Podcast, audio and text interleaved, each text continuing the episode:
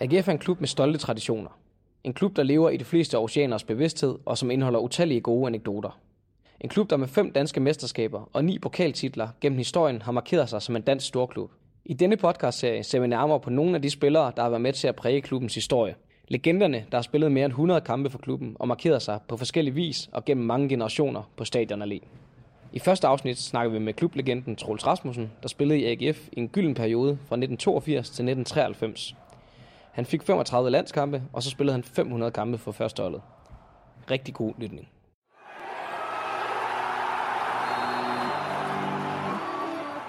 Kapitel 1. De første fodboldminder. Jamen, øh, Trut, først vil jeg sige tak, fordi jeg lige måtte øh, komme forbi herude på øh, din arbejdsplads. Den har jo ikke så meget med øh, fodbold at gøre længere. Kan du beskrive lidt om, hvad du laver her i dag? Det kan jeg i hvert fald. Jeg er ansat i Scan Global Logistics og har været det siden 2011. Og øh, jeg laver salg. Jeg er salgsdirektør i virksomheden, og øh, ja, har egentlig levet af at sælge inden for transportbranchen de sidste 25 år, og det gør jeg stadigvæk. Okay, så det har næsten været en øh, længere del af din øh, erhvervskarriere end øh, fodbolden efterhånden? Ja, fordi jeg var jo i, i en overgang, hvor man øh, tog en uddannelse, samtidig med, at man øh, spillede fodbold.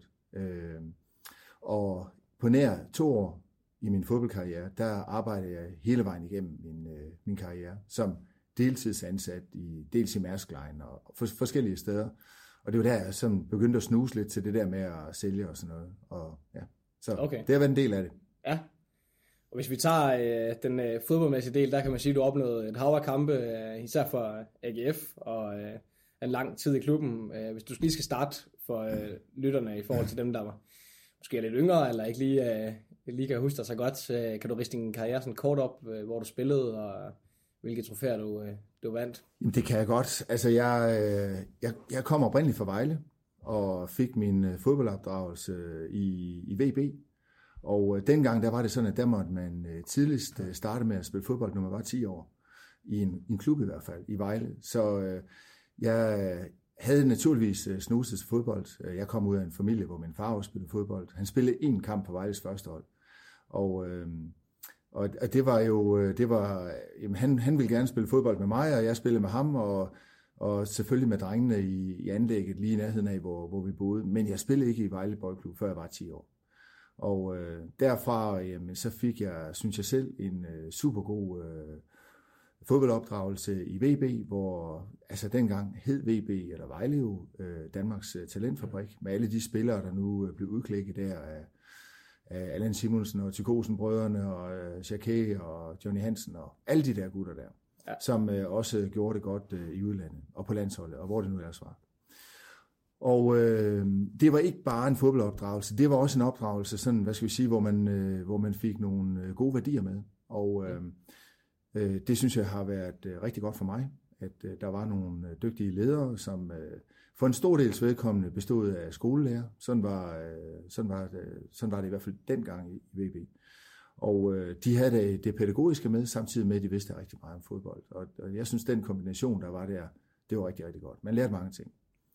Øh, og så var der, øh, jamen, jeg tror, jeg startede på, jeg startede selvfølgelig med, med at spille sådan helt normalt, og fandt ret hurtigt ud af, at jeg gerne ville stå på mål.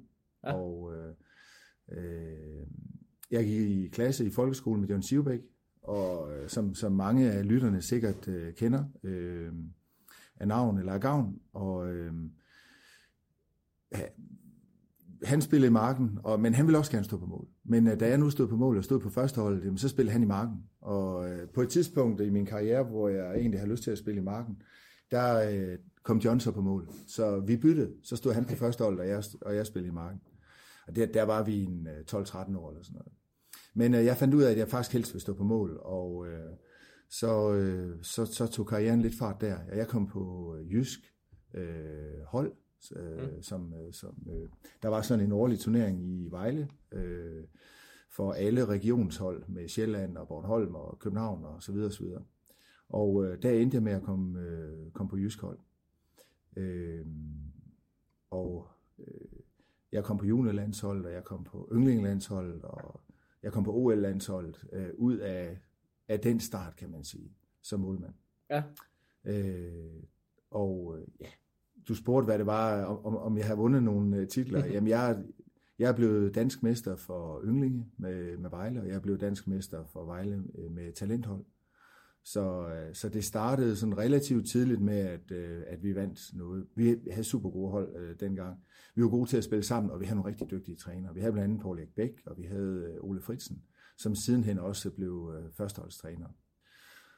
Og øh, så fik jeg som øh, 18-19-årig fik jeg en skade i knæet, og det gjorde, at øh, min karriere sådan i, ja, i et par år blev sat lidt på standby, men jeg var ved at komme tilbage så til, til, til sådan nogenlunde styrke der i øh, 1981, og der øh, var Paul Erik blevet træner i, i AGF, og øh, jeg overvejer at tage til Aarhus og læse på Handelshøjskolen. Og samtidig så vil Paul Erik øh, gerne øh, have mig til AGF og spille, øh, fordi han kendte mig jo rigtig godt fra Vejle og så videre. Og øh, ja, det blev til en kontrakt. Jeg, jeg var ikke helt sikker på at spille på første hold i Vejle, hvor Alex Nielsen stod på mål. Men, øh, men jeg vil få en god chance for det i AGF, hvor Ole Villenbo ville, ville holde op.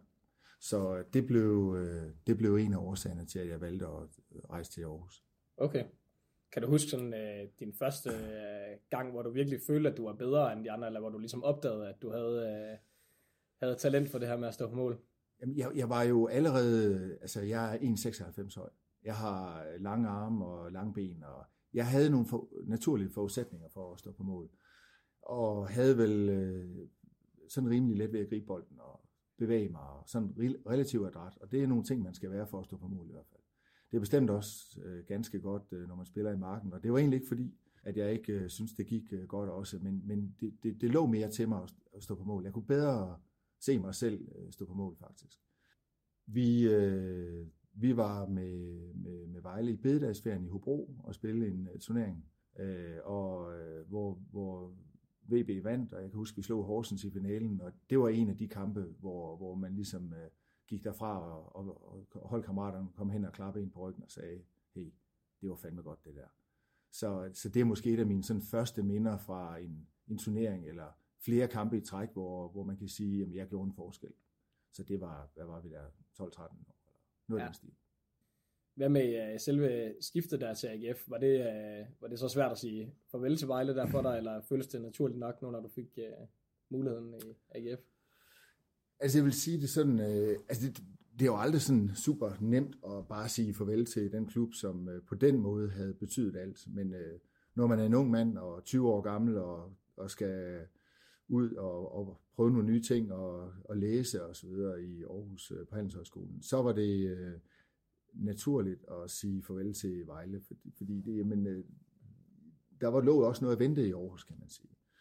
Og øh, jeg husker den første dag til træning i AGF øh, relativt godt. Øh, jeg kom op, boede stadigvæk i Vejle på det tidspunkt, kørte med Paul Erik Bæk. Vi boede temmelig tæt på hinanden, så vi kørte op, og han havde jo sådan forberedt mig en lille smule, og jeg ved også bagom, der han forberedt øh, nogle, af, nogle af mine kommende holdkammerater, blandt John Stampe, som godt øh, kunne for, øh, kom lidt afsted med at råbe lidt højt og, og sige nogle ting og sådan noget. Og øh, han har så, jeg, jeg ved, han har sagt til John, det har John sagt til mig mange gange siden, at øh, Paul Erik kom hen og sagde til ham, øh, prøv lige at høre, der kommer en ung gut fra Vejle. Lad ham nu lige, lad ham nu lige være, giv ham nu lige chancen for, for, for at vise, hvad han kan og sådan noget. Lad være med at råbe for højt af ham, hvis, øh, hvis han taber bolden eller et andet. Så, men øh, det var nu Herlof Vestergaard, vores holdleder, jeg, jeg vil øh, fremhæve her. Han øh, tog imod mig og sagde velkommen til. Og øh, nu skal du se, øh, vi skal klæde om øh, her i det, det gamle omklædningsrum, eller det gamle klubhus øh, på Fredensvang. Og så gik vi hen i førsteholdets omklædning, og så sagde han, øh, ja, Ole Villenbo, han øh, sad her. Det, det er så din plads. Og man kan sige, det var i hvert fald en flyvende start for mig, fordi normalt, når man sådan skal erobre sin plads i omklædningsrummet, eller ja, øh, så, øh, så, så, så gør man det kvæg sin øh, fremtoning, øh, det man kommer med, og det man leverer. Men øh, her havde man købt en målmand i Vejle, som man tænkte, han går ind og overtager efter Ole, og han skal selvfølgelig have Oles plads. Så jeg havnede, kan man sige, øh, blandt øh, de gavede gutter nede bagerst i omklædningsrummet helt fra starten, og blev taget rigtig godt imod, og, øh, og jamen, det, var, det var en flyvende start, og jeg var super glad for at komme til Aarhus og komme til AGF. Det var det, var, det, var det, det, var det helt sikkert det rigtige for mig. Kan du huske, hvem du... Øh, altså, der må næsten have været en, øh, en anden målmand eller en reservekeeper øh, også. Var der noget øh, konkurrence eller et eller andet øh, alligevel, selvom du så var købt ind til øh, som nummer et? Jamen, det er faktisk en af, det, det er måske en af de ting, som, som øh, i forhold til at komme til AGF, øh, som, øh, som øh, har været lidt specielt for mig, fordi øh, det, det var min øh, kollega på målmandsposten i AGF, øh, var Jørgen Hinge. Og Jørgen kendte jeg en lille smule fra... Øh, han, han var ja, Jørgen et, et, to år ældre end mig, og øh, han, øh, øh, han havde stået på Jysk ynglingerhold, øh, mens jeg stod på Jysk juniorhold. Og øh, jeg har set ham spille, og han var super god. En målmand med nogenlunde samme højde og højde som mig. Men han har været super uheldig i løbet af året inden, og var blevet opereret for en meniskskade. Og noget ved operationen gik lidt galt, og det betød, at øh, Jørgen, han, øh, man var ikke helt sikker på, hvornår han blev klar. Så det var også en af årsagerne til, at man købte øh, mig ind i, okay. i Vejle. Ikke? Så, øh, så havde man i hvert fald to. Og Jørgen var et super stort målmandstalent. Men øh, vi øh, startede som konkurrenter, ingen tvivl om det, og vi øh, er endt med at være de bedste venner. Øh, og det er vi også den dag i dag. Og det var meget øh, god historie så. ja, bestemt.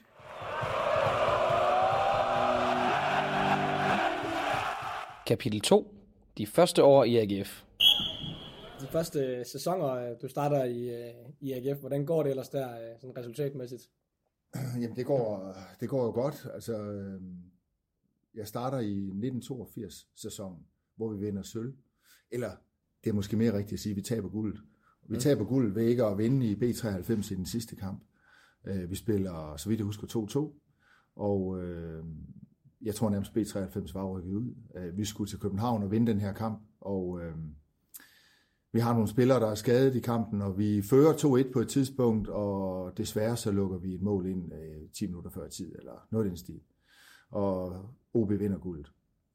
Øh, eller stjæler guld for os. Så, så man kan sige, det var øh, et fantastisk år i AGF. Vi havde et rigtig godt hold, og jeg synes, vi spillede langt, langt det mest øh, interessante fodbold, offensivt, øh, og vi ville øh, kreere kampen, og vi ville hellere vinde 4-3 end at, end, at, end at vinde 1-0. Altså, det var vores tilgang til det. Og det var måske det, der i sidste ende kostede os mesterskabet, at vi ikke var kyniske nok.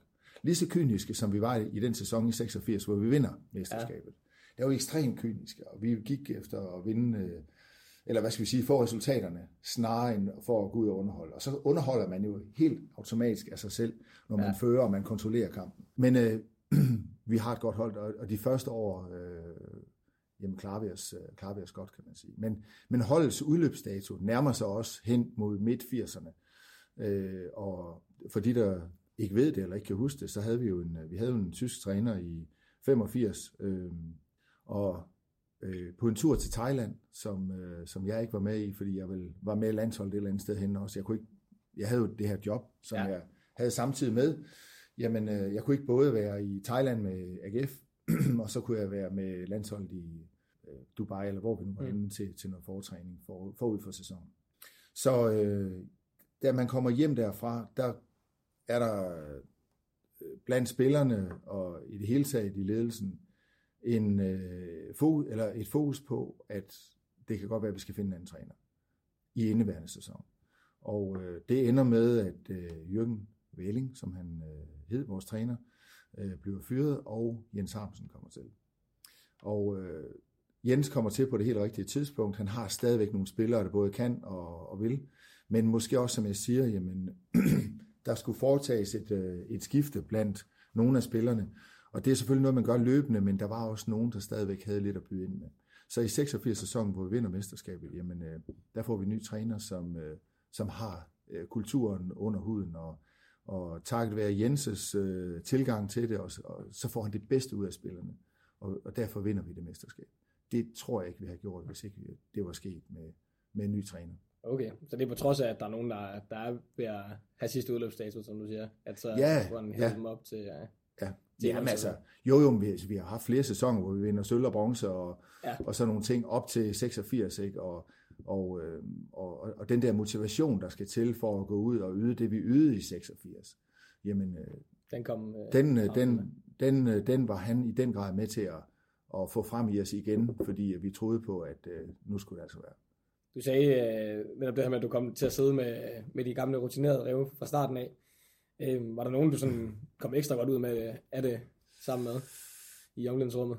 Altså vi var, vi var øh, der, der var en øh, stemning i omklædningsrummet, der var en stemning under kampene, og så var der også en stemning øh, efter kampene, vil jeg sige.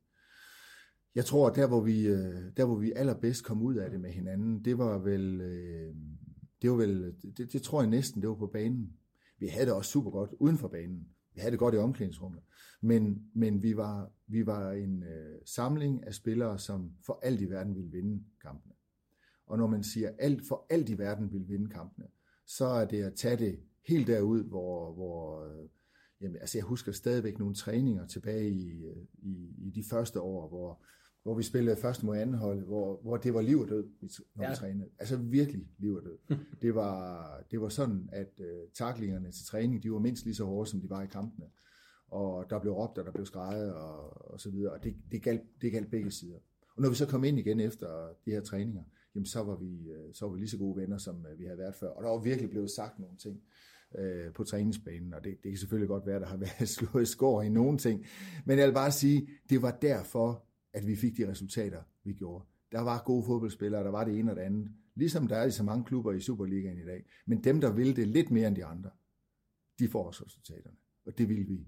Og derfor klikkede vi meget godt, fordi vi havde, vi havde det der med, vi ville fandme vinde. Der var mange øh, vindertyper. Der var mange vindertyper, og, og hvis man er mange vindertyper, de der måske vil have svære ved selv at være en vindertype, øh, undervejs eller bære det, eller hvad man nu skal sige, de blev automatisk hævet med op og, og fik øh, måske det der, altså det, det, blev, det blev normen. Det ja. var, vi vil fandme vinde for enhver pris.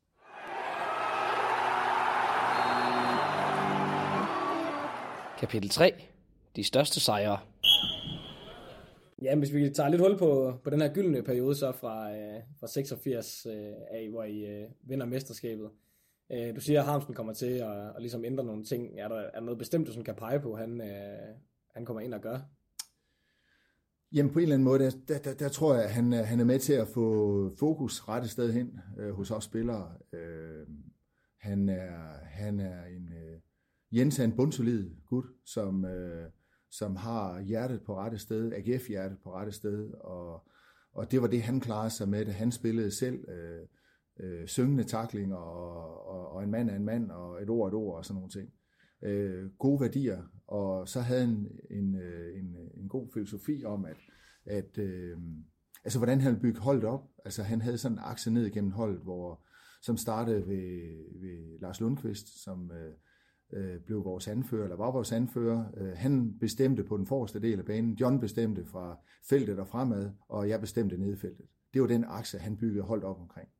Så han organiserede holdet på en god måde. Han øh, sørgede for, at rollerne var klart fordelt, og han, øh, jeg, jeg vil sige, han fik det bedste frem i det hold, han havde med at gøre. Det kan godt være, at hvis vi skulle have haft Jens i øh, fire år i træk, eller ti år i træk, eller hvad ved jeg. Altså, det, har, det har været super hårdt, fordi at han var meget krævende. Okay. Men, øh, men øh, han, øh, det år her, hvor, hvor man også kan sige, at spillerne havde jo også deres ansvar for, at Jürgen Wähling var øh, blev sagt op. Øh, så, så der var et commitment begge veje rundt. Ja. Virkelig et commitment. Så du fik også et eller andet, øh, fik du et bedre forhold til øh, Jens Hamsen, end du havde haft til, til Wähling, eller hvis, hvis jeg, havde, jeg, havde fint, jeg havde faktisk et fint forhold øh, til Jürgen Wähling, vil jeg sige. Jeg kendte ham også fra Vejle. Mm. Øh, men, øh, men, men, men det var, det, var, øh, det var en anden stil. Altså Jürgen Wähling var, var mere, han overlod mere øh, til os, øh, at vi selv skulle finde ud af, og selv organisere og sådan nogle ting. Øh, selvom han var tysker, så, så skulle man jo tro, at det var omvendt. Ja. øh, men øh, hvor, hvor Jens var meget mere inde og, og, og have fingre med i, i de fleste ting. Okay. Øh, så, så det var vel det, der kendetegnede øh, de to i hver sin retning, kan man sige. Ja. ja. Og stemningen i omklædningsrummet i løbet af, af den sæson, der var det bare sådan en sæson, hvor I, hvor I ikke kunne tabe? Altså... Vi tabte jo ikke før til aller, aller sidst i sæsonen. Det. Øh, var det 21 kampe i træk, I ja. ikke taber i? Ja. Øhm, jamen, vi var svære at spille mod. Ingen tvivl om det. Altså, vi vidste, hvad vores koncept var. Og og og, og, så, og så var der mange dygtige spillere på holdet. Altså man kan jo ikke øh, gå 21 kampe igennem i Danmarks bedste fodboldrække, uden, og, og heller ikke med de konkurrenter, vi var op mod, uden at øh, tingene de hang sammen på en eller anden måde.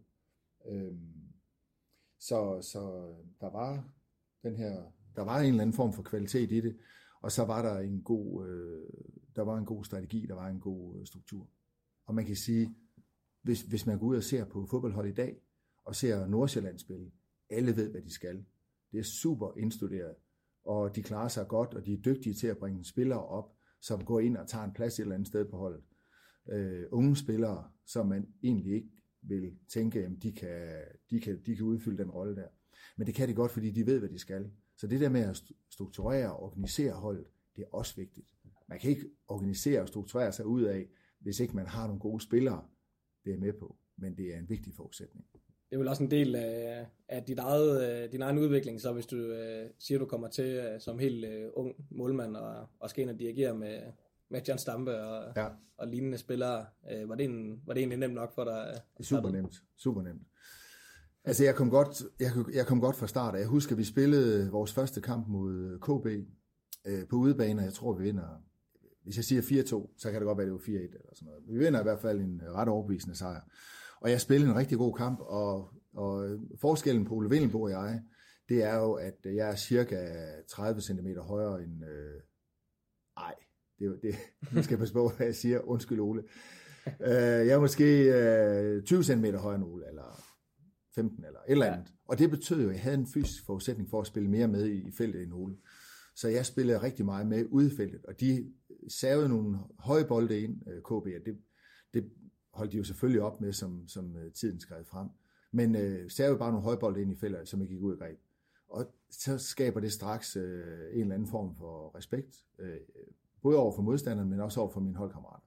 Så det var, det var, det var let. Altså man kan sige, John, øh, John var, var, var vel mere utryg, hvis ikke jeg råbte og skreg af ham, end hvis, øh, end, end hvis jeg gjorde det. Altså han forventede, at jeg dirigerede med ham. Øh, lige så vel som han sagde ting til mig også. Altså sådan var det jo. Det gik begge veje. Ja, ja, det gjorde det. Det skal det også. Ja, selvfølgelig. Hvis vi så går videre til, øh, til pokaltitlerne, det kommer om på en, øh, ja, en fremragende sæson der i 86. Ja. Øh, så kommer 87 og 88 med, med pokaler. Ja. Øh, var der et særligt fokus på pokalturneringen i de sæsoner, fordi der falder jeg lidt ned i, øh, i ligaen. Skal jeg lige se, var det... Ja, I får bronze i 87, men så er det 8. plads i 88, og 5. plads i 89, og en 7. plads i 90. Men I vinder så pokalturneringen der i 87 88. Var der sådan en, et særligt fokus på den turnering? Det var der ikke, øh, men øh, vi skifter jo træning i, øh, undskyld, vi skifter træner, og, og vi får Allan Hebo Larsen som, øh, som træner.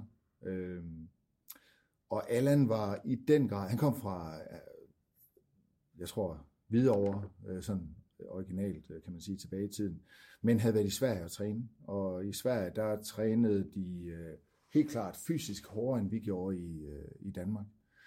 Øh, forberedelsen til sæsonen var anderledes bygget op og sådan noget. Vi fik i hvert fald kærligheden at føle, da vi øh, fik øh, Allan til træner. Jeg husker stadigvæk øh, Thomas Andersen øh, gøre øh, armbøjninger på, på knæene nede i øh, sharpet nede på, på grusbanen, fordi at vi altså havde haft, jamen, vi, vi havde taget 150 armbøjninger allerede, og, og vi var jo helt væk, altså vi var jo slet ikke vant til den type træning, som, som vi fik der ved, ved Allan. Og øh, altså, jeg har filosoferet over det nogle gange, og, og man kan sige, at det, det går jo selvfølgelig, det går ned ad bakke i, i ligaen, men vi trænede stenhårdt under Allan. Altså okay. virkelig, virkelig, virkelig hårdt øh, i løbet af ugen. Og jeg tror faktisk, at den træning, vi havde i løbet af ugen, den var så hård, at det var svært at have overskud også til at spille øh, i weekenderne. Men til gengæld, noget af det træning, vi havde, det var meget, meget, meget konkurrenceorienteret. Altså det var nu og her. Vi spillede ja. meget på, øh, på en lille bane med, med to store mål, to målmænd, og så en lille bane, og så en masse afslutninger og sådan noget. Ja. Og det galt om at vinde hver gang. Altså, der var en mega god stemning til træning, og den var meget, meget kompetitiv. Så det der med at sætte sig op til at gå ud, nu skulle vi vinde. Den her kamp, den skal vi vinde. Det tror jeg, vi var rigtig gode til. Det blev vi gode til. Det var sværere derimod at spille alle de der kampe, vi nu skulle igennem i, øh, i første division, som det hed dengang. Så, så jeg tror, at det har lidt med det at gøre, at det var ikke fordi fokus specielt var rettet mod pokalturneringen. Men vi var stadigvæk nogen, vi var stadigvæk et hold, som var rimelig godt øh, organiseret. Vi kunne godt gå ud og lukke af, hvis vi havde lyst til det. Øh, og så øh, kunne vi få scoret et par mål i den anden ende. Øh, og så havde vi det der vinderinstinkt fra træningen, som, øh, som var blevet bygget op øh, under Allan Hebo. Og jeg tror, det er derfor, vi vinder de to titler. Det er mit take på det. Var der nogen, øh, du nævner meget det her vinderinstinkt, var der nogen spillere, du særlig ville nævne, som, som ligesom gik forrest i den, i den der Ej, der var, der, der var virkelig mange. Der var, jeg, jeg synes ikke, altså jeg synes ikke nødvendigvis, der er nogen, der skal nævnes. Altså, jeg, jeg tror, de fleste, som husker tiden, vil, altså jo, jeg kan godt nævne to. Lars Lundqvist og, og John Stamberg. Altså, de var jo, de var jo synonymet med, med, med, med, med, hvad skal vi sige, den kurs, øh, vi havde, og den måde, vi gjorde tingene på. Øh, og de var da i den grad vindertyper. Men når jeg nævner dem, så burde jeg også nævne stort set alle andre, fordi det var virkelig, virkelig, virkelig øh, øh, gennemsyret i, i, på holdet. Øh, og, og, og, og, og så er det fair at spørge, hvorfor blev det så ikke til mere i, øh, i ligaen? Men, men jeg tror, at vi har brugt de fleste kræfter, når vi kom hen til, til weekenden. Det tror jeg virkelig. Ja, for man kan sige, at den normale øh, optag der, det er, at man øh, træner lidt taktisk, og så øh, har en hård øh, opstart i stedet for, altså holder formen i løbet af sæsonen. Ja. Øhm, ændrer det noget øh, der i starten af 90'erne, der, der begynder det at, at gå lidt bedre igen, og I får, I får bronze 91 og pokaltitlen i 92, hvor I også ender nummer 4. Øh, var der noget, der ændrede sig der, i, øh, ændret i træningen der, eller var det bare noget, der, der kom stille og roligt? Altså, øh, der, der blev skiftet en del ud. Altså, der kommer nye spillere til, og nye trænere, og jeg mener, vi har... Øh, jeg mener, vi har Lundqvist i 92, øh, da vi vinder pokaltitlen.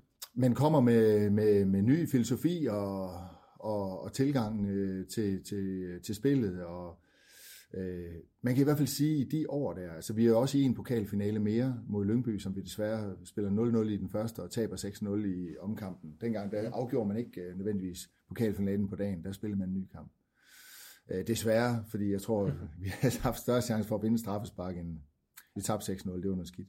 Men øh, nej, men der kommer nye spillere til, og, og yngre generationer, og Øh, og, der, og vi er stadigvæk nogen, kan man sige, som, som danner et uh, grundlag, som de kan, de kan komme ind på, og de kan, øh, han har sagt, de kan bolde sig på øh, en, en, en bane, hvor der er, der, hvor der er vist styr på organisationen og sådan noget.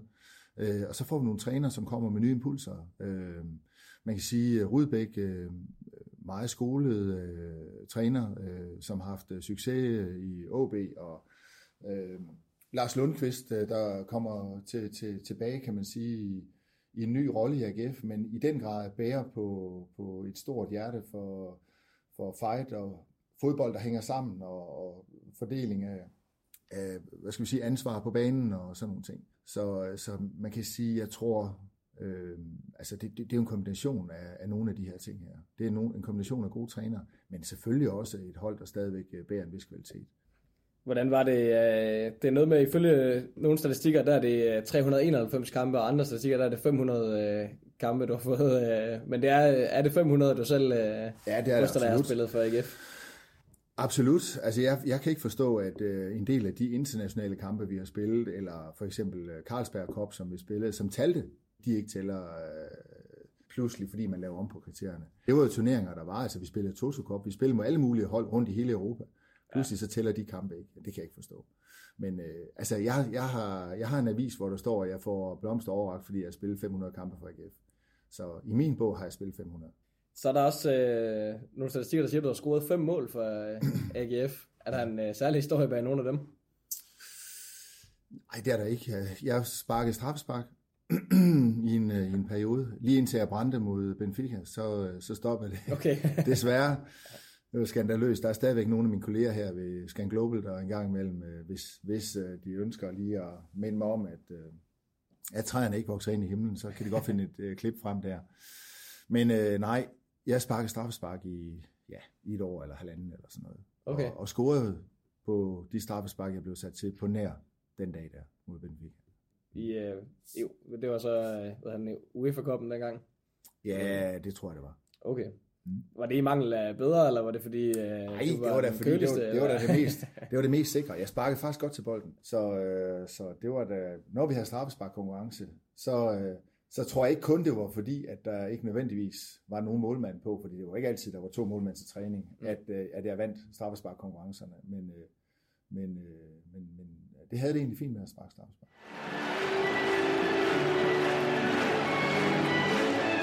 Kapitel 4. Livet uden for banen. De her øh, titler, I, I hæver hjem, ændrer det noget i forhold til, øh, hvis vi ser mere sådan på den private del af dit liv i, øh, i Aarhus? Begynder du at blive genkendt og sådan nogle ting, og stå ud på gaden, eller hvordan, øh, hvordan falder altså, det til her? Jo, altså, så, altså, hvis man spiller i AGF, så er der stor bevågenhed. Og jeg hørte Glenn Ridersholm øh, her den anden dag øh, sige, at, øh, at noget, af det, der, noget af det, der var en stor forskel, det var altså i Herning, hvor han jo øh, førte øh, FCM til, til det danske mesterskab. Altså selvom det gik rigtig godt, så kom der nærmest ikke journalister til, ud til træningerne.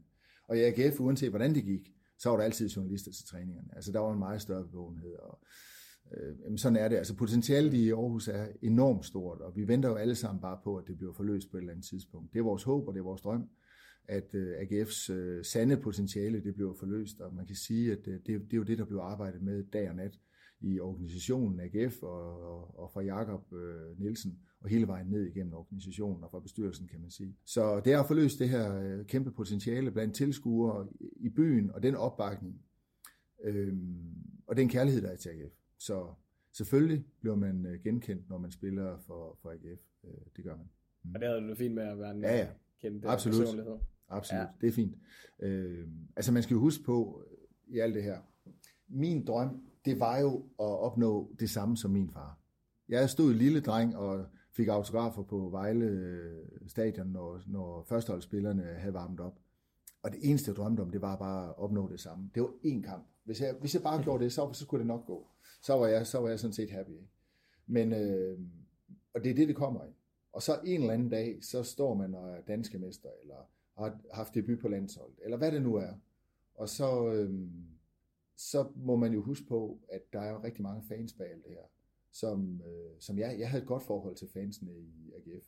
Og hvis ikke, at man skulle kunne have respekt for dem, og det de synes og sådan noget, så, synes, så, så hænger det ikke sammen. Hvordan øh, havde du det egentlig, øh, det har jeg ikke fået spurgt om, hvordan havde du det med at spille mod Vejle, efter du... Øh, det havde det super godt med. Det var det ja. absolut det nogen af dem, man ikke skulle øh, tabe til. Øh, helt sikkert. Og på samme måde havde en af mine sidste kampe for Vejle, det var en pokalkamp mod AGF i 1981. Og jeg husker overskriften i Jyllandsposten, det var, øh, vinder han i aften, så taber han. Fordi det var nok den sidste pokalkamp det efterår, før at pokalturneringen øh, overvintrede, eller et eller andet. Øh, men det var i hvert fald sådan, at hvis nu jeg stod på mål for Vejle og vandt den kamp, så slog jeg AGF ud, og dermed slog jeg mig selv ud af pokalturneringen. Og øh, vi vandt, jeg tror vi vandt 1-0, og jeg stod en af mine, om ikke den bedste kamp for Vejle nogensinde.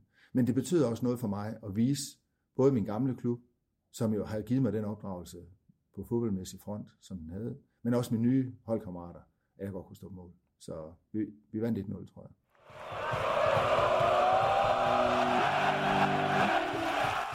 Kapitel 5. Landsholdet.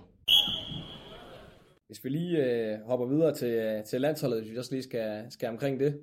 Øh, der får du 35 øh, landskampe. Du er lige sådan en, en ret hård øh, periode der, hvor Ole Kvist, Ole Kjær, Lars Høgh og Peter Smeichel sådan på skift også øh, øh, springer frem. Øh, kan du huske første gang, du blev udtaget til landsholdet? Altså A-landsholdet øh, kan jeg sagtens huske øh, første gang. Øh, helt sikkert. Øh, det var i september 82. Jeg var jo... Øh, Året inden spillede jeg Vejle, altså 81, og kommer til øh, AGF i 82 og starter min karriere der i januar. Og hen i september skal Danmark spille en øh, kvalkamp mod England i parken. Øh, jeg tror det er 21. eller 22. september. Og øh, et par dage før kampen skal spilles, blev jeg ringet op og blev bedt om at møde ind i København, fordi at, øh, jeg tror, at det er Ole Kær, der blev skadet. Om jeg, og så at jeg skal være reserve for Ole Kvist og øh, kommer over i landsholdslejren, og jeg er stadigvæk kun 21 på det tidspunkt, og der er jeg altså lige pludselig sammen med alle mulige, som jeg jo kun har set på fjernsynet. Ikke? Og, øh, og jeg tænker, wow. Øh, og jeg tænker faktisk ikke, at bare jeg skal spille. Jeg tænker, hvor er det bare fedt at være med. og så aften før, eller dagen før, der får Ole øh, Kær, eller Ole Kvist en skade i, i foden, i anklen.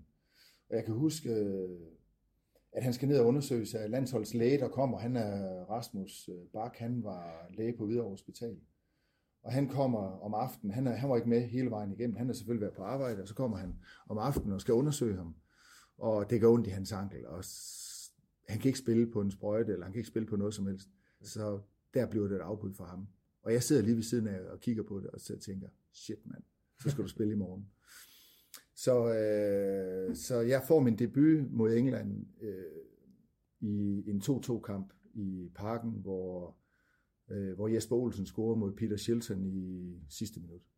Det var meget specielt. Jeg spillede bag ved øh, Per Røntved, som jo som jeg jo havde set spille for Werder Bremen i alle årene og så videre og så videre. Det var, en, var det var en kæmpe øh, oplevelse. Ja, og der tog du også godt uh, gå ind og, og dirigere med de her ja, ja. der sidder og kigger på. Selvfølgelig, selvfølgelig. Det er en del af jobbet. Selvfølgelig, det gør ja. Jeg. fik, jeg fik faktisk min debut på Vejles første hold som 16-årig i en træningskamp i, i Bremen. Okay. Så det var, det var fem år før. Så jeg havde jo været vant til at spille, kan man sige, med, med, med, med, med voksne spillere, selvom jeg kun var 16 selv. Så, så ja, jo, det var ikke noget problem. Altså det, det er meget naturligt. Når man står der, så er det jo det, man gør. Ja, hvordan er du ellers, øh, vil du selv, øh, hvis du selv skulle sige det sådan i øh, omklædningsrummet, er du øh, stille og rolig, eller er du en af dem, der, der sætter lidt gang i, gang i tingene i omklædningsrummet? Nej, jeg tror, jeg er stille og rolig i omklædningsrummet, men, men, øh, men hvis du spørger min, øh, nogle af dem, der har spillet med mig på banen, så vil de sige, at det er ikke, når jeg spiller fodbold. Så, så, men der er meget stor forskel på at, at være i omklædningsrummet og så være på banen. Der er ja. kæmpe forskel omklædningsrummet, det er jo afslappet og hyggeligt osv., men øh, på banen, der gælder om at vinde. Så det er stor forskel på. Øhm, med, med landsholdet der, der, der vokser du også og kommer, øh, du kommer også med til slutrunden i 84, gør du ikke det? Eller ja. det, det er der, du bliver skadet? Jeg blev skadet i sidste testkamp mod Sverige, ja. desværre. Men jeg kommer med. Øh, jeg, jeg, jeg, jeg halter mig igennem, kan man sige, og, og, og er vel relativt øh, klar til at kunne have spillet, hvis det var. Men øh, ja, Desværre blev jeg skadet i sidste kamp. Øh, det lå til, at jeg skulle spille åbningskampen mod Frankrig, men øh, jeg tror, han er Thomas Brolin, ham der løb mig ned. Øh, så er der VM 86 øh, og, øh, og 88, ja. hvor du øh, får spilletid. Øh, har du nogle særlige øh, minder for de slutrunder der om at... Ja, det har jeg. Altså, jeg. Jeg spiller to kampe i Mexico. Jeg spiller mod Skotland. Vi vinder 1-0, og så spiller jeg kampen, hvor vi vinder 6-1 over Uruguay. Og efter Uruguay-kampen blev jeg sat af, og jeg spillede ikke godt i nogle af kampene, kan man sige. Øh, jeg havde været syg undervejs, og var, havde tabt en del vægt i, øh, altså det var varmt og så videre. Det, var, det, det er ikke det, der er, der, der er forklaring mere, men jeg havde været syg undervejs, og det havde givet mig nogle, øh, synes jeg selv, jeg, jeg følte mig ikke særlig godt tilpas rent fysisk. Og øh, ja, jeg kan ikke forklare det på anden vis end det. Og desværre så blev jeg sat af til kampen mod Tyskland, der spiller Lars Høgh en fantastisk kamp, vi vinder 2-0, og så tager vi 4-1 til Spanien bagefter. Så vi spiller fire kampe derovre, hvor jeg, jeg får de to første. Og, øh, og man kan sige, jamen altså anden kamp mod øh, Uruguay gik det absolut øh, bedre, end det gjorde mod Skotland. Øh, så jeg, jeg havde håbet på selvfølgelig at spille øh, også den tredje og, og den fjerde kamp, øh, men øh, sådan skulle det ikke være. Og i Tyskland, der spiller en kamp mod Spanien. Jeg laver en fejl. Øh, de scorer på et frispark nærmest ude fra sidelinjen. Det var ikke særlig godt. Til gengæld redder jeg straffespark. Så det var, det var, kan man sige, mine to slutrunder, hvor jeg, hvor jeg spillede. Øh, og samlet set, så er jeg jo ikke tilfreds med det aftryk, de to slutrunder sætter på min karriere. Øh, det er jeg ikke. Men, men det er det, det er. Det kan jeg ikke lave på. Så det er, det er måske noget af det, man fortryder lidt, når man ser tilbage, eller i hvert fald... Ja, det, det vil jeg gerne have haft noget mere ud af. Ja. Absolut. Men, men ja, sådan er det. Hvordan var det ellers at være i, øh, i lejren øh, i, øh, under sådan en slutrunde der? Øh, var der det her lejrkulder, eller øh, kørte det meget øh, og roligt? Altså, jeg vil ikke sige, at der var lejrkulder, men altså det, det gælder jo altid om, når man er sammen sådan i, i så lang tid. Altså jeg tror op til Mexico i 86, der var vi sammen i en måned. Først i, øh, først i Vedbæk i nogen, i nogen tid, hvor vi trænede. Vi trænede højdetræning med sådan nogle masker og øh, sådan nogle øh, rygsække, vi løb rundt med. Og vi... Øh, Øh, vi var i Colombia først, øh, inden vi tog til Mexico, for at vende os til højden. Vi trænede i øh, Bogota, hvor, der, hvor man også er oppe i øh, 2.200 meters højde, tror jeg. Mm. Så vi, vi var klar til, til Mexico og, og spille i 2 km højde, øh, hvor luft, luften er tyndere og sådan nogle ting. Så vi har været sammen i, inden vi tog hjem, der har vi været afsted en måned. Det, var, det er jo selvfølgelig lang tid. Men der var en del adspredelse undervejs. Så jeg kan sige, øh, vi spillede vores kampe på Nesa stadion, og der var langt fra vores lejr, der lå øh, nord for, for Mexico og så til Nesa. Øh, så vi kørte tre kilo, eller undskyld, vi kørte tre timer om natten efter kampen og sådan noget. Og når vi så kom hjem, jamen, så var der så var skotterne boet på samme hotel, og så var de ikke gået i seng, og så var der fest øh, indtil morgenen. Og det var fint, fordi vi skulle først spille 6-7 dage senere. Ja. Og, og jeg tror, altså, ja, det, jeg tror, det er meget normalt, at man lige får lov at afreagere, når man har prøvet at, at være, være øh, ude at spille øh, vigtige kampe, som, som der er til sådan VM. Men det er måske trods alt en af de ting, der har ændret sig lidt, så hvis de øh, i forhold til at holde fest med de øh, slutrunden. jo, det tror jeg. Måske, men, øh, men, øh, men så skal man finde på noget andet. Altså det er vigtigt, der er en eller anden form for mulighed for lige at koble lidt af. Øhm, ja, du stopper på landsholdet der, øh, sådan lige inden øh, EM92, skal det være, sådan ja. i, i, øh, efter kvalifikationen er glippet ja. oprindeligt jo. Ja. Øh, der da vi så alligevel kommer med på et afbud, er der slet ikke noget, der gør, at øh, du kan komme Nej. med igen? Eller, Nej, eller bare det, det, men det vil jeg ikke. Altså, det, jeg, da jeg siger fra, der var det af mange forskellige årsager, øh, jeg sagde fra. Altså, jeg har været med til en træningsturnering øh, året inden i, øh, i Spanien, øh, undskyld, i Sverige, hvor, hvor man øh, holdt sådan en uh, Scania Cup øh, træningsturnering, hvor, hvor det danske landshold var inviteret, og, og, og der var jeg med, og Peter Smeichel var med også, øh, og jeg tror, jeg, jeg, jeg udveksler ganske, ganske få ord med, med Richard under den turnering, og, og han ville helt klart ikke bruge mig. Okay. Så jeg havde besluttet mig til, at når, når kvalifikationsturneringen var, var over, uanset hvordan det endte, så ville jeg melde fra. Så det, ville, det skulle være mit sidste år som, øh, som aktiv øh, landsholdsspiller. Fordi jeg ville ikke få flere chancer. Jeg ville ikke få flere kampe, med mindre der skete et eller andet øh, helt usædvanligt. Og øh, jeg havde været med til tre slutrunder, så det var fint for mig. Og jeg, og jeg har ikke fortrudt det et øjeblik, og jeg har heller ikke fortrudt, at uh, selvom Danmark vandt det hjemme og sådan noget, det er, det er super fint.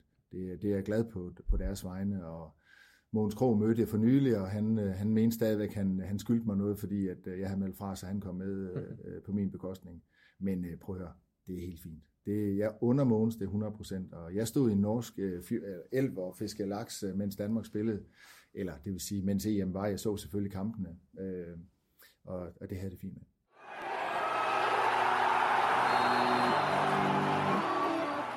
Kapitel 6. Tiden efter fodbolden. Hvis vi lige ser helt på, øh, på afslutningen øh, på, øh, på hele karrieren, det, det er der i, i 93 som 32 år, ikke? Ja. Øh, du snakkede også om de her knæproblemer tidligere. Er det noget, der fulgte dig hele karrieren, øh, der du siger, ja, du starter som 19-årig?